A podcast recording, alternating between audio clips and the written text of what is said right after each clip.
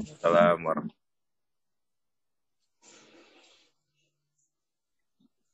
بسم الله الرحمن الرحيم. الحمد لله رب العالمين وسلام على عباده الذين اصطفى. سبحان ربي العلي الأعلى الوهاب. أشهد أن لا إله إلا الله وحده لا شريك له وأشهد أن سيدنا محمدا عبده ورسوله الذي لا نبي بعده.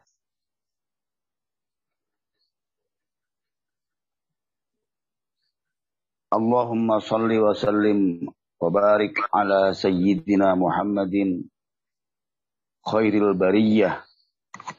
وعلى آله وصحبه ومن تبعه ووالاه أما بعد.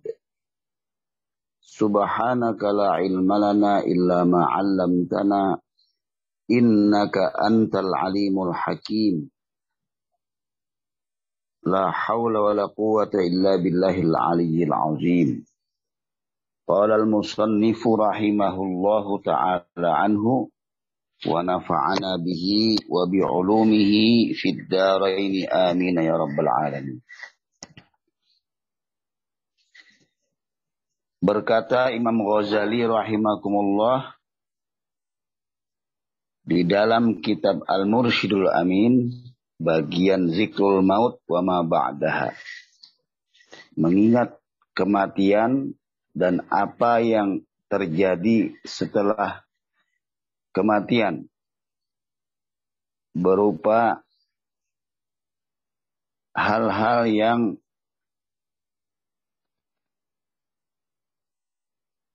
akan diberikan oleh Allah Subhanahu wa taala kepada hambanya setelah ia mati. Sebuah riwayat dari sahabat Abdullah ketika beliau ditanya siapakah orang yang paling zuhud?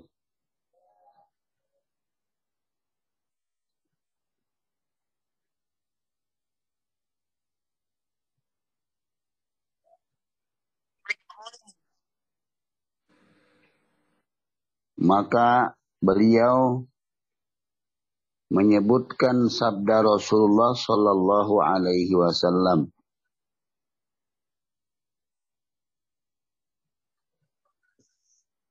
Orang yang paling zuhud adalah man lam yansa al-qabra. Orang yang tidak lupa akan kubur. Wal bala dan tidak lupa terhadap kehancuran tubuhnya. Wa taraka fadla zinatid dunya wa asara ma baqa ala ma yafna dan meninggalkan keutamaan gemerlap dunia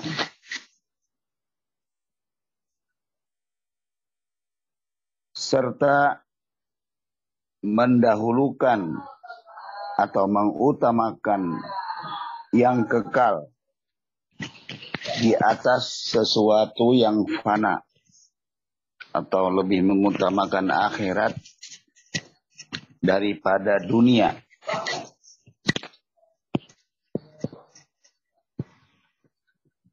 Walam ya'udda ghadan min ayamihi dan ia tidak menghitung hari esok sebagai bagian dari hari-harinya. Wa'adda nafsahu min ahlil kuburi. Dan menganggap dirinya termasuk penghuni kubur. Itulah kata Rasulullah orang yang zuhud sebenar-benarnya. Dari sini kita ambil pelajaran bahwa orang yang zuhud itu adalah orang yang sensitif tentang nasibnya di akhirat kelak. Bukan berarti lantas kemudian meninggalkan seluruh urusan dunia, tetapi justru lebih giat untuk urusan dunia ini dalam rangka kesuksesan dia di akhirat. Jadi kebalikan. Tidak ngelokro, tidak lemes dalam hal atau tidak menyerah dalam hal mencari dunia. Tapi kali ini semuanya akan dia kerahkan dalam rangka persiapan untuk akhirat yang bisa dia ambil di dunia ini. Sebab ad-dunya dalam suatu pelajaran disebutkan mazra'atul akhirah. Dunia itu adalah sawahnya akhirat. Tempat untuk menghasilkan segala sesuatu sebagai perbekalan menuju akhirat.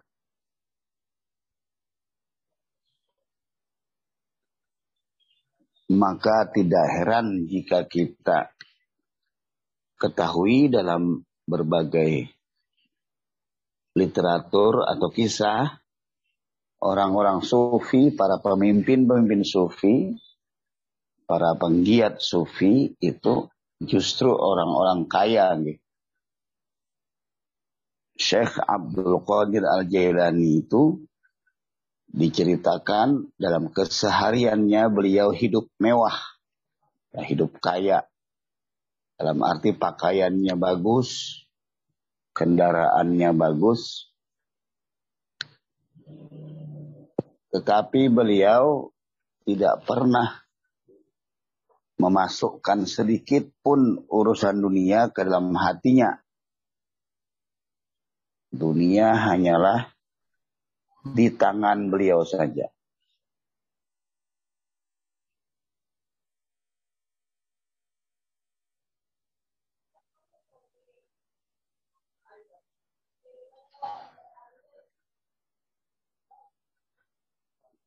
Kemudian Imam Al-Ghazali dalam kitab Al-Mursyidul Amin menyebutkan tentang adab ketika anak meninggal dunia. Bagaimana seharusnya kita sebagai orang tua jika anak kita meninggal dunia. Kata beliau, sewaktu anak atau kerabatmu meninggal, maka jadikanlah dia sebagai orang yang mendahuluimu dalam sebuah perjalanan yang engkau pasti akan menyusulnya atau anggap dia sebagai orang yang mendahuluimu kembali ke kampung halaman. Dan pasti engkau akan mendahului akan menyusulnya. Pasti engkau akan menyusulnya mengikutinya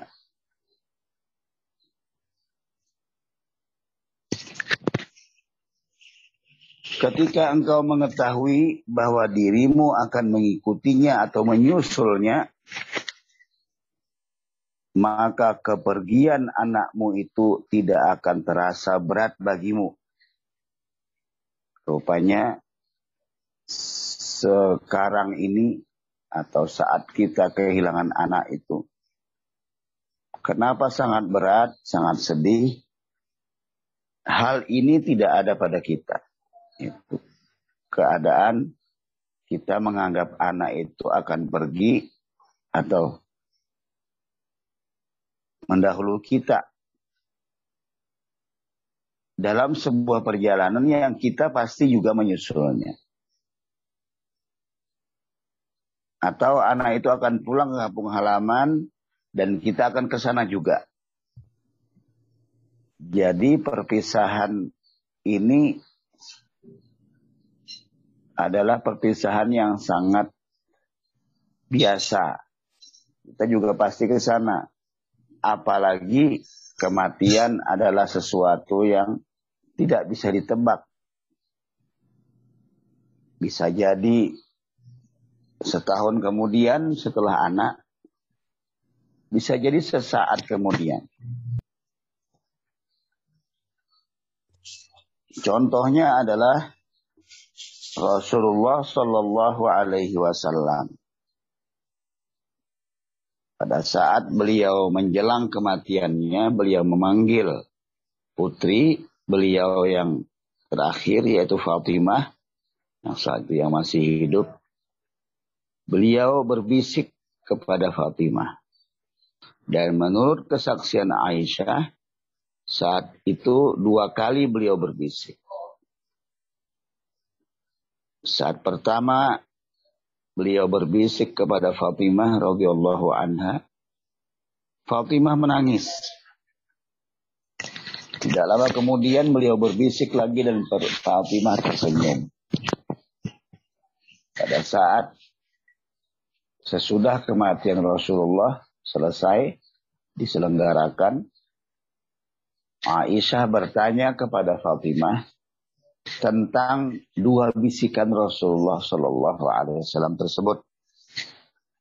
Maka maka Fatimah menjelaskan bahwa yang pertama dia dibisiki oleh Rasulullah Shallallahu Alaihi Wasallam yang mengatakan bahwa Rasulullah akan wafat dan dicabut rohnya oleh malaikat maut. Maka ia pun menangis. Sesaat kemudian dia dibisiki lagi oleh Rasulullah yang isinya ternyata bahwa yang pertama akan menyusul kematian Rasulullah adalah Fatimah, adalah dia. Maka Fatimah pun tersenyum. Begitulah rumah tangga Rasulullah dengan kematian gitu. Tidak ada ketakutan, tidak ada merasa kehilangan. Setelah dijelaskan oleh Rasulullah Sallallahu Alaihi Wasallam dan bagaimana mereka juga memandang dunia dan akhirat, roh dan jasad. Dan benar saja dalam riwayat disebutkan bahwa enam bulan setelah kematian Rasulullah Shallallahu Alaihi Wasallam, Fatimah kemudian meninggal dunia, menyusul ayahnya.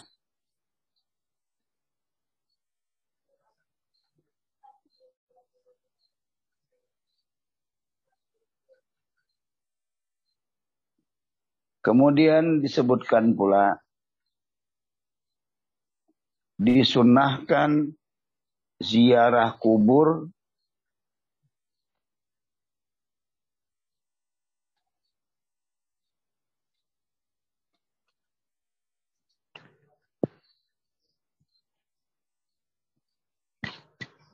mengenai anak yang meninggal dunia ini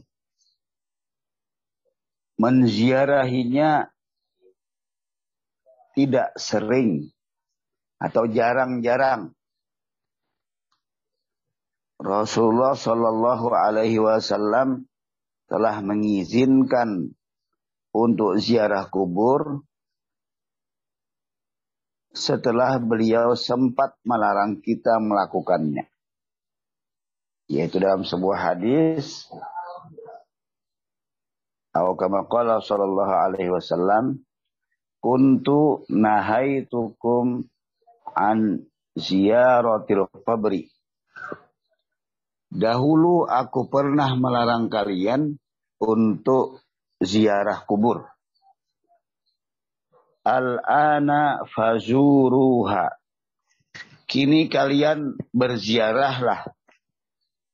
Fa innaha tazkiratan lil maut karena ziarah kubur adalah pengingat kematian. Atau kama qala sallallahu alaihi wasallam. Sahabat Abu Zar Al-Ghifari radhiyallahu anhu meriwayatkan bahwa Rasulullah sallallahu alaihi wasallam bersabda Zuru al-qura. Tazakkaru biha al-akhirat. Berziarahlah ke kuburan. Waghsilil mauta. Fa inna mu'ajlajata jasadin khawin mau'izatan balighatan mau'izatun balighatun. Mandikanlah jenazah.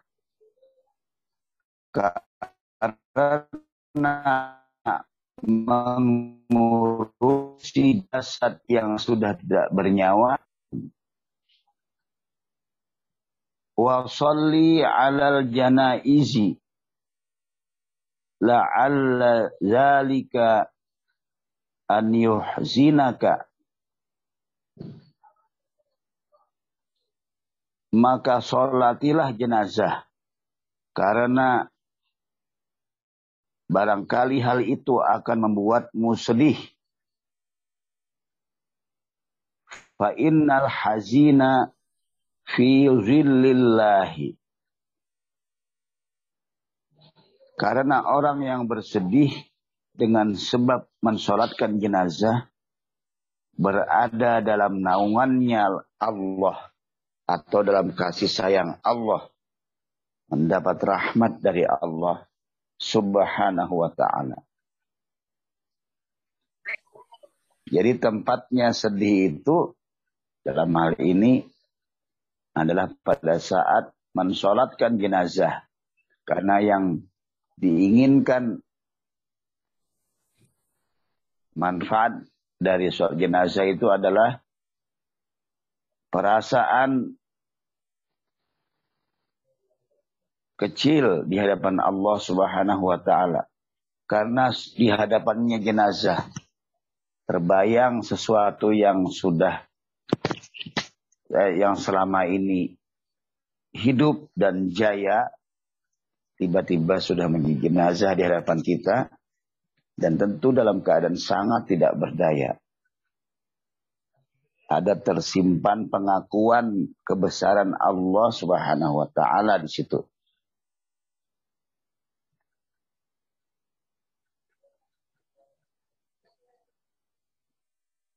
Nabi Shallallahu Alaihi Wasallam juga bersabda, Zuru mautakum. Ziarahlah kepada orang-orang yang mati di antara kalian wasallimu alaihim. Ucapkanlah salam kepada mereka. Wasallu alaihim. Dan doakanlah mereka. Fa innalakum fiha ibratun. Karena di dalamnya terdapat ibrah atau pelajaran bagi kalian.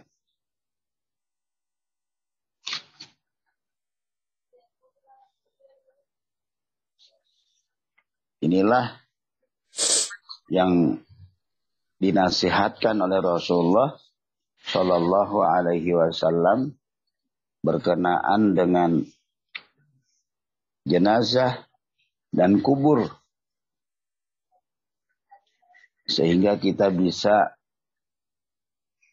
mengetahui manfaat orang-orang yang terlibat dalam menyelenggarakan jenazah banyak nasihat dari situ, banyak pelajaran dari situ, dan sangat bagus bagi terapi hati. Jadi fikih yang dimaksud oleh Pak Cita tadi yang dapat kita ambil dari pelajaran Rasulullah Shallallahu Alaihi Wasallam tentang sakaratul maut, tentang saatnya kematian itu maksudnya lah fikih yang juga mengatur urusan hati. Jadi fikih etika membuat kita bersikap lembut, bersikap sensitif terhadap kematian. Terus kita waspada dengan cara memperbaiki keadaan dunia kita. Berusaha agar bertutur lembut, bersikap santun. Tidak mengutamakan kepentingan sendiri. Mengutamakan jasad dan lain-lain. Di atas batin. Kemudian berkenaan dengan hakikat kematian disebutkan oleh Imam Al-Ghazali bahwasanya ketahuilah berdasarkan uraian Al-Quran dan hadis Nabi bahwasanya kematian itu hakikatnya adalah perginya roh dari badan bukan lenyapnya roh dia hanya pergi meninggalkan badan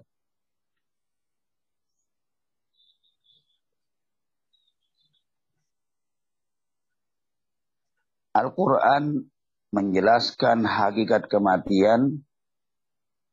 Di antaranya firman Allah, وَلَا تَحْسَبَنَّ الَّذِينَ قُتِلُوا فِي سَبِيلِ اللَّهِ أَمْوَاتًا bal ahya'un 'inda rabbihim yurzaqun farihina bima atahumullah dalam surah Ali Imran ayat 169 dan 170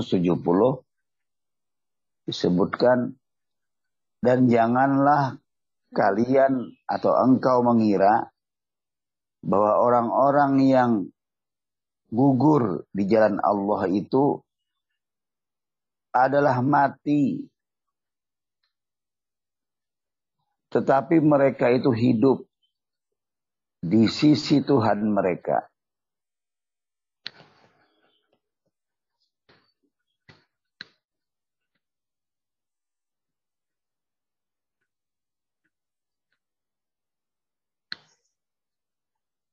Dengan diberi rizki, diberi rizki, dan mereka dalam keadaan bergembira. Jadi mereka itu dikuburnya diberi nikmat oleh Allah Subhanahu wa taala dan diberi kegembiraan pada jiwa mereka. Dua hal yang tentu saja sangat menyenangkan. Diberi rizki, baik itu makanan, kenyamanan, tapi juga diberi kegembiraan. Orang-orang yang hidupnya selalu di jalan Allah. Selalu untuk kepentingan dakwah.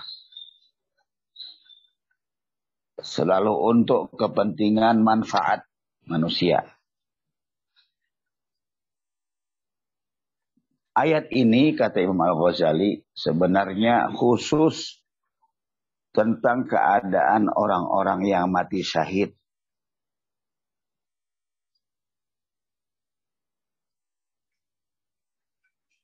pada waktu berjuang membela Islam dari gangguan orang-orang yang mensyirikatkan Allah atau orang-orang musyrik.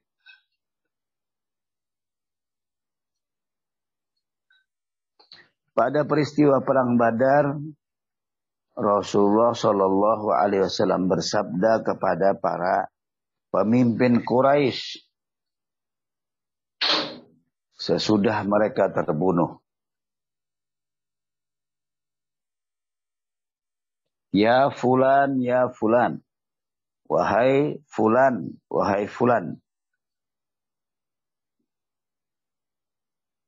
Sungguh aku telah menjumpai kebenaran pada sesuatu yang dijanjikan Tuhan kepadaku. apakah kalian menemukan kebenaran juga pada yang dijanjikan Tuhan kepada kalian? Itu artinya Rasulullah mengatakan bahwa aku memang sudah meyakini tentang kematian. Ya, sekarang wahai pembesar Quraisy, bukankah kalian sudah bertemu dengan kematian? Mengapa kalian tidak percaya pada waktu itu? Itu maksudnya nih. Maka ketika itu seseorang bertanya kepada Rasulullah, Ya Rasulullah, wahai Rasulullah, mengapa engkau memanggil mereka? Padahal mereka sudah mati. Maka Rasulullah Shallallahu Alaihi Wasallam bersabda, Wallazi nafsi biyadihi. Demi zat yang nyawaku berada di dalam genggamannya. Sesungguhnya mereka ahli kubur lebih mendengar ucapanku daripada kalian. Hanya saja mereka tidak mampu menjawabnya. Itulah penjelasan Rasulullah Sallallahu Alaihi Wasallam tentang ahli kubur. Maka ketika kita berziarah, ya pelajarannya ya dalam hal ini, saat kita berziarah, itu ahli kubur tahu tentang hadirnya kita. Ya rohnya tahu. Apa yang kita baca, apa yang kita mintakan. Mereka tahu. Andai saja mereka bisa berkomunikasi dengan kita, tentu mereka akan sangat berterima kasih.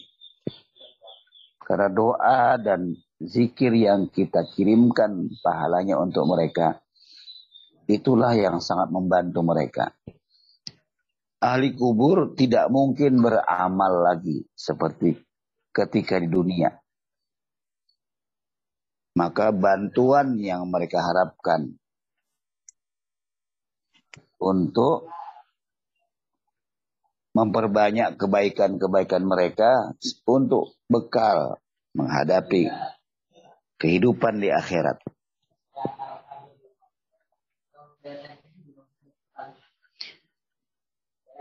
Sahabat Abu Ayyub Al-Ansari radhiyallahu anhu meriwayatkan sabda Rasulullah sallallahu alaihi wasallam.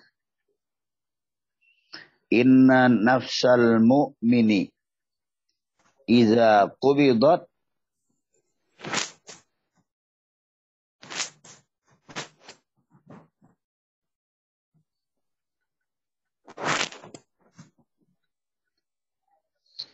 bahwasanya roh orang yang beriman iza kubidat ketika dicabut talaqqaha ahlur rahmati min indillahi. Akan disambut oleh roh-roh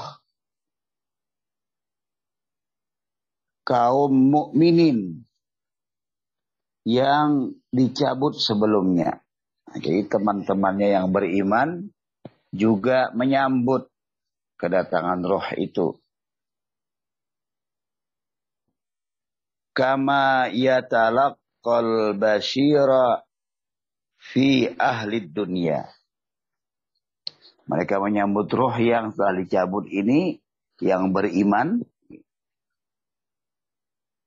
Sambutannya sebagaimana menyambut pem, pembawa kabar gembira daripada penduduk dunia. Jadi mereka menyambutnya dengan hangat, dengan senang hati. Jadi kita ke alam roh itu, roh kita ini disambut oleh sesama kaum mukmin.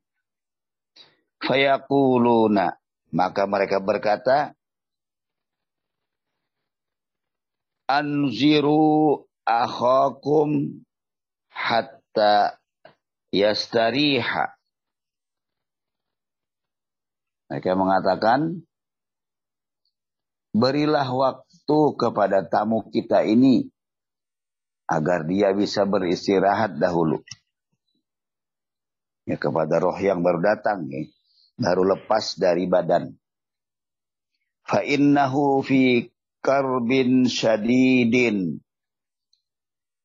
Sebab dia baru saja berada dalam masa-masa yang sangat sulit, sangat dahsyat.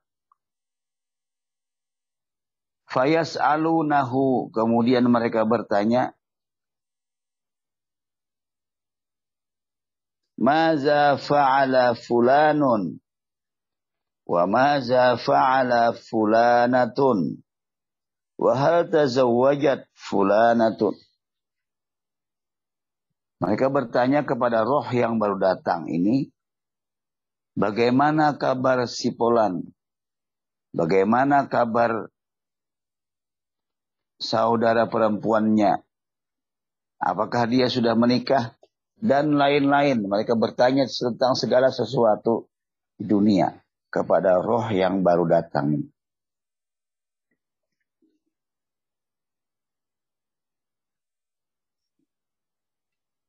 فَإِذَا سَأَلُوهُ عَنْ رَجُلٍ قَدْ مَاتَ قَبْلَهُ وَقَالَ مَاتَ قَبْلِي Qalu inna lillahi wa inna ilaihi raji'un. Zuhiba bihi ila um ila ummihi al-hawiyah. Maka ketika mereka bertanya tentang seseorang yang mati sebelumnya dan ruh mukmin itu menjawab Orang yang kalian tanyakan itu sudah mati sebelum aku. Mendengar jawaban itu mereka para roh yang menyambut itu mengatakan. Inna lillahi wa inna ilaihi raji'un.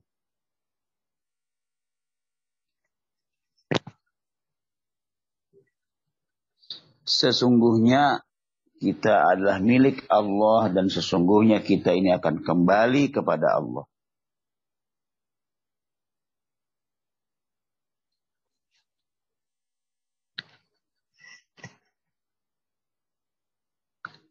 Artinya rohnya akan dibawa ke neraka hawiyah. Yang mengatakan begitu. Kepada orang-orang yang matinya dalam keadaan tidak beriman.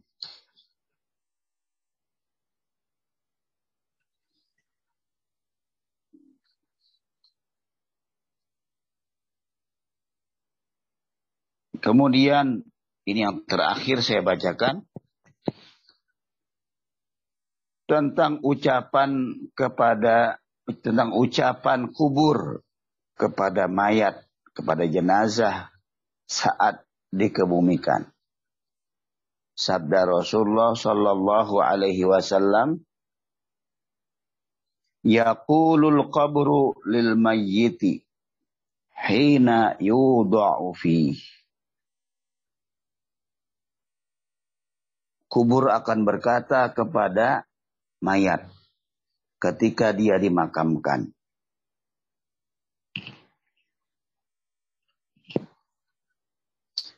haka ya bena Adama ma gharraka bi alam ta'lam anni baitul fitnati wa baitul zulmati wa baitul wahdati wa baitul dud Kata-kata kubur kepada mayat itu, celakalah engkau, wahai manusia. Apakah yang membuatmu tertipu? Tidak tahukah engkau bahwa aku kubur adalah tempatnya bencana atau fitnah. Aku adalah rumah kegelapan. Aku adalah rumah kesendirian. Dan bahkan aku adalah rumah penuh dengan ulat dan cacing.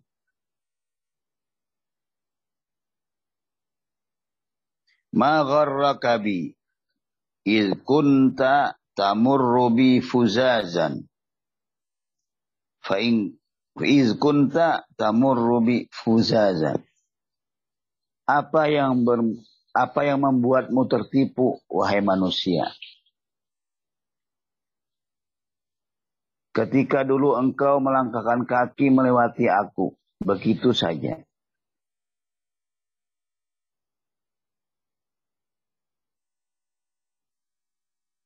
Fa'inka na musrihan ajaba anhu mujibul qabri. Fayaqulu Ara'aita in kana ya'muru bil ma'rufi wa yanha 'anil munkari.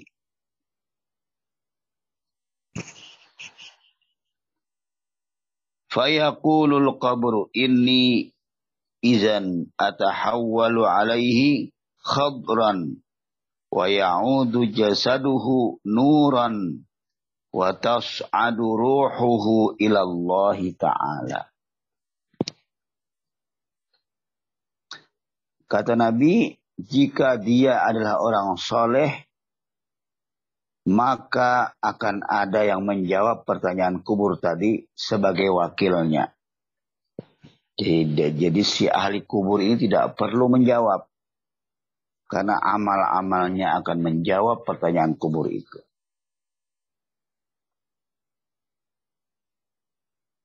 Lalu si wakil itu kemudian berkata kepada kubur, Tidakkah engkau melihat kalau dia ini telah berbuat amar ma'ruf nahi mungkar?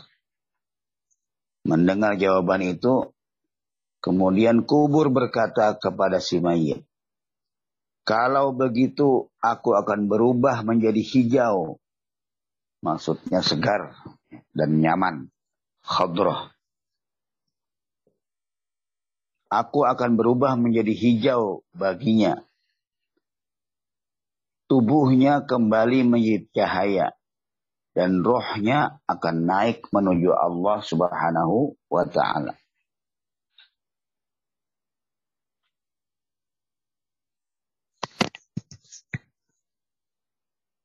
Begitulah hakikat yang terjadi saat masuknya manusia itu ke dalam kubur dimakamkan.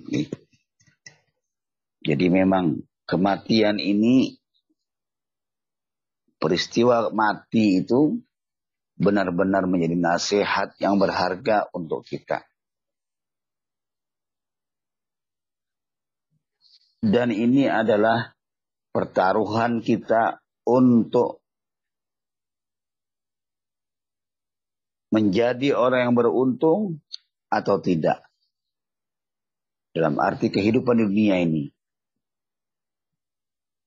Apabila kita ditakdirkan menjadi orang yang beruntung dengan amal soleh kita, maka keuntungan itu adalah selama-lamanya. Tidak akan berakhir Ibarat kita dalam kubur akan sampai ke surga kita. Menerima nikmat dari Allah subhanahu wa ta'ala sebagai upah atas susahnya kita, lelahnya kita di dunia untuk menegakkan amal soleh. Untuk menegakkan hal-hal yang baik pada diri kita. Maka kita semua memang diajarkan, dinasehati agar tidak terlena, agar tidak lalai. Dan dunia ini harusnya kita jadikan sebagai bekal untuk akhirat. Maka dinasihatkan kepada kita oleh para ulama agar tidak menjadikan dunia itu sebagai tujuan. Dunia itu hanya sebagai wasilah saja. Baik, kiranya itu yang saya bacakan hari ini. Mudah-mudahan bermanfaat. Dipersilakan kepada ikhwan semuanya, barangkali ada yang akan disampaikan berkenaan dengan peristiwa kematian tentang ahli kubur atau hal yang sesudah peristiwa kematian itu yang bisa kita ambil pelajaran.